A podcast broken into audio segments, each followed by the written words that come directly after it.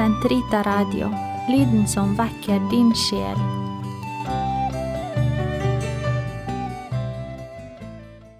Lovet være Jesus Kristus, og velkommen til Kruksakra, katekese for konfirmanter og unge voksne. Vi har snakket om kirken, grunnlagt av Jesus Kristus på Peter og på apostlene, som fikk i oppgave å bære Frelseren ut til hele verden.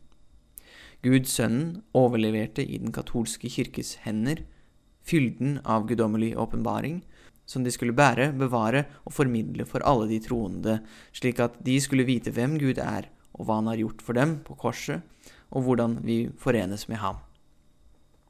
Vi besvarer nå noen spørsmål om åpenbaringen. For det første, hvor kommer åpenbaring fra?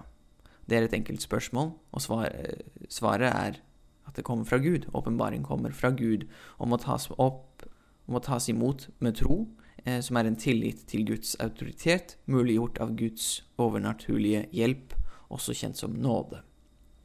Må åpenbaringen og fornuften stemme overens? Ja, hvis ikke så har man enten resonnert feil, eller så har man feil åpenbaring. Målet vårt er til syvende og sist sannheten, og sannheten har ingen selvmotsigelser i seg. En ting kan ikke være sant og usant samtidig. Et lys kan ikke være på og av samtidig. En form kan ikke være samtidig en sirkel og en trekant. Derfor så kan ikke de forskjellige veiene til sannheten, fornuft og åpenbaring fortelle oss to forskjellige ting. Er det på grunn av fornuft at vi tar imot Guds åpenbaring? Nei, det er ved tro. Fornuften er hjelpsom i å ta bort hindringer og kan være nyttig i å forklare og forsvare troen for dem som ikke har tatt den imot enda. Men man kan ikke bygge sitt liv på sitt eget resonnement. Man må overgi seg i Guds hender i tro, hjulpet av ham. Det er ikke nødvendig å vite hvorfor noe er sant, for å vite at det er sant. Og det er det troen lar oss gjøre. Det krever selvsagt stor ydmykhet, en innrømmelse av at man ikke kan vite alt, og at vi ikke vet alt. Hva er kildene til guddommelig åpenbaring? All Guds åpenbaring er å finne i Guds ord. Guds ord er ikke en ting, ikke en bok, men en person, Jesus Kristus. Fylden av guddommelig åpenbaring er Jesus Kristus. Vi kjenner Jesus fra det evangelium han befalte sine apostler å forkynne, som vi har muntlig og skriftlig. Den muntlige åpenbaringen kalles apostolisk tradisjon, det apostlene fortalte og praktiserte, som de lærte sine etterfølgere, biskopene, f.eks. som hvordan man feirer messe. Skriften er samlingen av tekster som kirken har anerkjent som inspirerte av Den hellige ånd, og består av Bibelen med dens 73 bøker eh, muntlige tradisjon er, eh, med stor T er selvfølgelig også guddommelig inspirert. Hele Guds åpenbaring til menneskeheten i skrift og tradisjon utgjør det som heter troens skatt, hele trosinnholdet. Eh, kirkens oppgave er å ivareta, forklare og forstå guddommelig åpenbaring. Ingen ny åpenbaring skal komme før Jesus kommer igjen. Hvorfor kan vi ikke bare lese Bibelen på egen hånd? Det er det flere grunner til. Først fordi Bibelens troverdighet kommer fra Kirken. Eh, du kan ikke akseptere Bibelens autoritet uten å akseptere Kirken, som bekreftet dens autoritet. Det ville vært som å fjerne grunnmuren i et hus eh, og å forvente at det da ville bli stående uten at kirken besluttet hvilke bøker som skulle regnes med i Bibelens, eh, Bibelens kanon, som det heter, eh, ville vi ikke hatt en bibel. Vi ville ikke visst hva Bibelen var. Det ville ikke vært et konsept. Um, for det andre så kan Bibelens ord tolkes på mange forskjellige måter. Så den som leser Bibelen uten hensyn til Kirkens lære og åndens veiledning, bestemmer selv hva innholdet betyr til syvende og sist, han eller hun blir sin egen pave. For det tredje etablerte Jesus klart og tydelig en kirke under apostlene og biskopenes veiledning eh, som lærer med autoritet til å tale på Herrens vegne i Den hellige ånd. Vi har sett hva som skjer når folk tolker Bibelens ord på egen hånd, uten Den hellige ånds veiledning uh, gjennom kirken, og da oppstår det tusenvis på tusenvis med forskjellige små kirkesamfunn som er uenige om alt. Men vi vet at sannheten er, er udelt og hel, og det er også kirken som er i besittelse av den. Et tegn på at en kirke eller et kirkesamfunn ikke er veiledet av Den hellige ånd, er evig splittelse. For det fjerde er ikke Bibelen den eneste kilden til guddommelig åpenbaring, som vi alt har sagt. Det står det til og med i Bibelen. For eksempel så står det Stå derfor støtt, brødre, og hold fast ved den overlevering dere er blitt opplært i, enten ved tale eller brev fra oss. Det står i andre brev til tesalonikerne.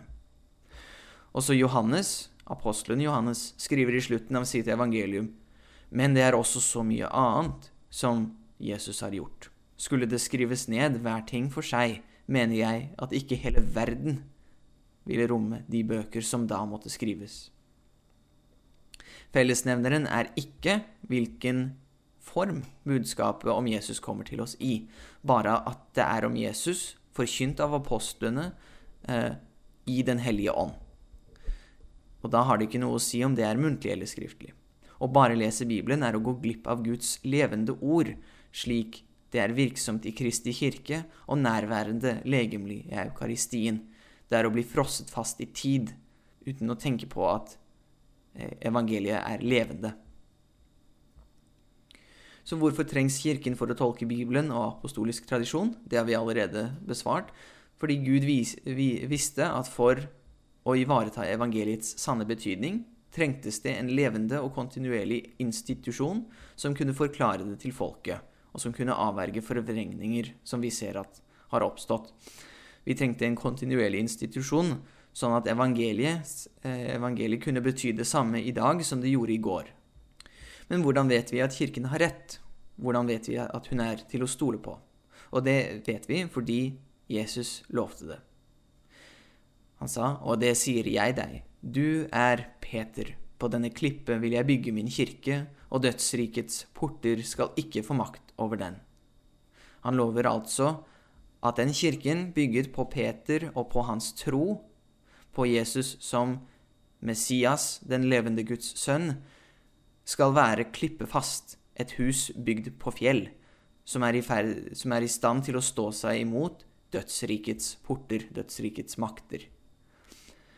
Han sier også, men talsmannen, Den hellige ånd, som Faderen skal sende i mitt navn, han skal lære dere alle ting og minne dere om alt som jeg har sagt dere. Den hellige ånd er lovet til kirken, og han tillater ikke kirkens offisielle lære å trå feil. Neste spørsmål. Hvis kirken erklærer noe for å være ufeilbarlig sant, må man tro det da? Ja, ellers, eh, ellers, så skiller vi oss fra Kristus. For noen kan det være vanskelig, eh, det å måtte tro en eller annen ting fordi eh, det kanskje kolliderer med kultur, oppvekst eller utdanning. Men da er det viktig å huske hvem man er uenig med. Ikke paven eller presten eller kateketen, men med Gud. Gud selv, sannheten selv, som åpenbares gjennom Kirken. Vi må gå frem med ydmykhet, og vi må stole på at Gud er god. Når vi, når vi tror det, og når vi vet det, da trenger vi ikke frykte for å gå feil. Så hva er disse sentrale, ufeilbarlige sannhetene jeg snakket om? Vi går ut ifra den nikenske trosbekjennelse, og jeg leser den nå. Jeg tror på én Gud, den allmektige Fader, som har skapt himmel og jord, alle synlige og usynlige ting. Jeg tror på én Herre, Jesus Kristus, Guds enbårne Sønn, født av Faderen fra evighet. Gud av Gud, lys av lys, sann Gud av den sanne Gud, født, ikke skapt, av samme vesen som Faderen. Ved ham er alt blitt skapt. For oss mennesker og for vår frelses skyld steg han ned fra himmelen. Han er blitt kjød ved Den hellige ånd av jomfru Maria og er blitt menneske. Han ble korsfestet for oss, pint under Pontius Pilatus og gravlagt. Han oppstod den tredje dag etter Skriften, for opp til himmelen og sitter ved Faderens høyre hånd. Han skal komme igjen med herlighet og dømme levende og døde, og på hans rike skal det ikke være ende. Jeg tror på Den hellige ånd, Herre og livgiver, som utgår fra Faderen og Sønnen, som ved Faderen og Sønnen tilbes og forherliges, og som har talt ved profetene. Jeg tror på én hellig, katolsk og apostolisk kirke. Jeg bekjenner én dåp til syndenes forlatelse. Jeg venter de dødes oppstandelse og det evige liv. Amen. Nå skal vi se litt nærmere på hver av disse. Det første vi ser, er at eh, vår trosbekjennelse er trinitær. Det vil si, den handler om de eh, tre personer som er Gud. Treenigheten er troens viktigste mysterium fordi det forteller oss om Guds indre liv. Det er tre guddommelige personer, Faderen, Sønnen og Den hellige ånd. Og i trosbekjennelsen har vi én eh, om Gud Fader den allmektige, om eh, eh, Jesus Kristus, Guds enbårne Sønn, vår Herre, og Den hellige ånd, Herre og livgiver. Alle disse er Gud hver for seg. Faderen er Gud, Sønnen er Gud, Den hellige ånd er Gud. Faderen og Sønnen og Den hellige ånd er alle uskapte, allmektige, evige og perfekte. Men Gud er ikke delt i tre, ei heller er det tre guder. Det er én Gud i tre personer. Sønnen er født, men ikke skapt av Faderen, ikke i tiden, men fra evighet av, mottar han sin essens, sitt vesen, fra Faderen, Gud av Gud, lys av lys. Og Den hellige ånd utgår fra Faderen og Sønnen, som Faderens og Sønnens gjensidige kjærlighet for hverandre. Det det er om treenigheten. Det, det andre viktige ordet her er inkarnasjon. Inkarnasjonen. At Sønnen, Gud Sønnen, tok opp i seg en menneskenatur og er fullstendig Gud og fullstendig menneske. Sønnen var med Faderen fra evighet av, født, ikke skapt. Han ble menneske, og han ble født inn i verden av en kvinne, en virkelig kvinne, en jomfru, jomfru Maria.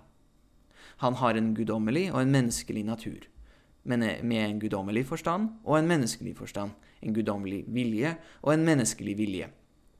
Og disse to naturene er forent i personen Jesus Kristus. Jesus er ikke bare Gud som bruker en menneskekropp slik en dukkespiller fører en marionette. Ei heller er han et menneske som var veldig, veldig hellig og lignet veldig på Gud, men ikke, ikke helt. Nei, han er sannelig Gud, og han er sannelig menneske. Guds ord ble kjød for oss mennesker og for vår frelses skyld. Jesus kom ikke til jorden for sin egen skyld, han kom til jorden for vår skyld. Selv hadde han ingen skyld. Han begikk aldri noen synd og ble heller ikke født i arvesynd.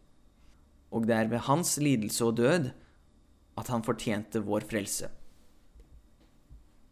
Han hadde en kropp som kunne lide smerte og skade, og på korset døde han virkelig, og hans offer var perfekt og evig, fullstendig i stand til å frelse hvert eneste menneske fra hver eneste synd for dem som mottar hans tilgivelse. Da han døde, ble sjelen hans adskilt fra kroppen, Kroppen lå i graven, sjelen for ned til dødsriket for å befri de rettferdige sjelene og for å åpne himmelen for dem og for å stadfeste Jesu kongedømme, Jesu herredømme, over alt som er på jorden, og det som er under jorden, også dødsriket og helvete. Så, på den tredje dagen, altså fredag er den første dagen han døde, eh, lørdag andre dag og søndag er den tredje. På søndag, påskemorgen, før det ble lyst, sto han opp fra de døde. Sjelen og kroppen ble gjenforent, og han var et helt menneske igjen. Så er det mysteriet om Kirken og om Den hellige ånd. Fordi eh, Kirken og Den hellige ånd er forenet som kropp og sjel. Den hellige ånd er Kirkens sjel, herre og livgiver. Um, og det er ved, ved Den hellige ånd at uh, at Gud taler til oss. Det er derfor vi sier at uh, Den hellige ånd har talt ved profetene. Så sier vi at jeg tror på én hellig katolsk og apostolisk kirke, det vi snakket om. Og vi sier at jeg bekjenner én dåp til syndenes forlatelse. Dåpen er den ene veien inn i det kristne liv. Uh, vi skal snakke om sakramentene senere, men dåpen er det første sakramentet.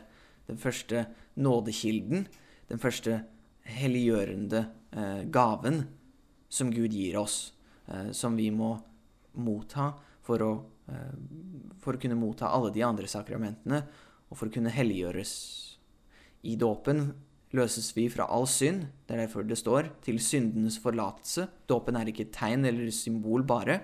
Det er en virkelig hendelse, en virkelig nådesgjerning eh, fra Guds side, som renser oss fra all arvesynd og all personlig synd, og som lar oss motta tro, håp og kjærlighet, Den hellige ånds eh, iboende kraft, eh, til å helliggjøre oss, til å eh, til å gjøre godt. Vi sier at eh, også om Jesus han skal komme igjen med herlighet og dømme levende og døde, og på hans rike skal det ikke være ende. Vi tror at ved tidenes ende så skal Jesus komme igjen på samme måte som han for opp til himmelen, og han skal dømme hele verden, alle mennesker, for deres synder eh, og de som er verdige til å komme inn i himmelen, skal være hos ham. Men vi tror også at, at før den tid så, så, kan de som dør i Hans nåde, leve med ham. At deres sjeler kan få være med ham. Men vi, men vi vet, vi håper på, de dødes oppstandelse eh, eh, på, slutten, eh, på slutten av tiden, når Jesus kommer igjen, at vi skal få våre kropper igjen Eh, og vi tror at alle, alle sjeler med sine kropper eh, fra da av skal leve evig, enten det er hos Gud eller ikke. Eh, og så avslutter vi med amen, fordi trosbekjennelsen er en bønn. Og amen, det betyr eh, sannelig, eller eh, ja, slik er det. Og, og det er eh, en måte å, å gi vår tilslutning til den troen vi bekjenner. Neste gang så snakker vi om eh, Maria. En hel episode om Maria, for det er så mange viktige trossannheter som en kristen må bekjenne seg, som en kristen er pliktig til å bekjenne seg hvis eh, han skal bli frelst, og, som handler om Guds mor, eh, Guds mor Maria. Um, jeg gleder meg til det. Jeg håper dere hører da. Guds hus er den levende Guds kirke sannhetens søyle og grunnvoll, i Faderens og Sønnens og Den hellige ånds navn. Amen.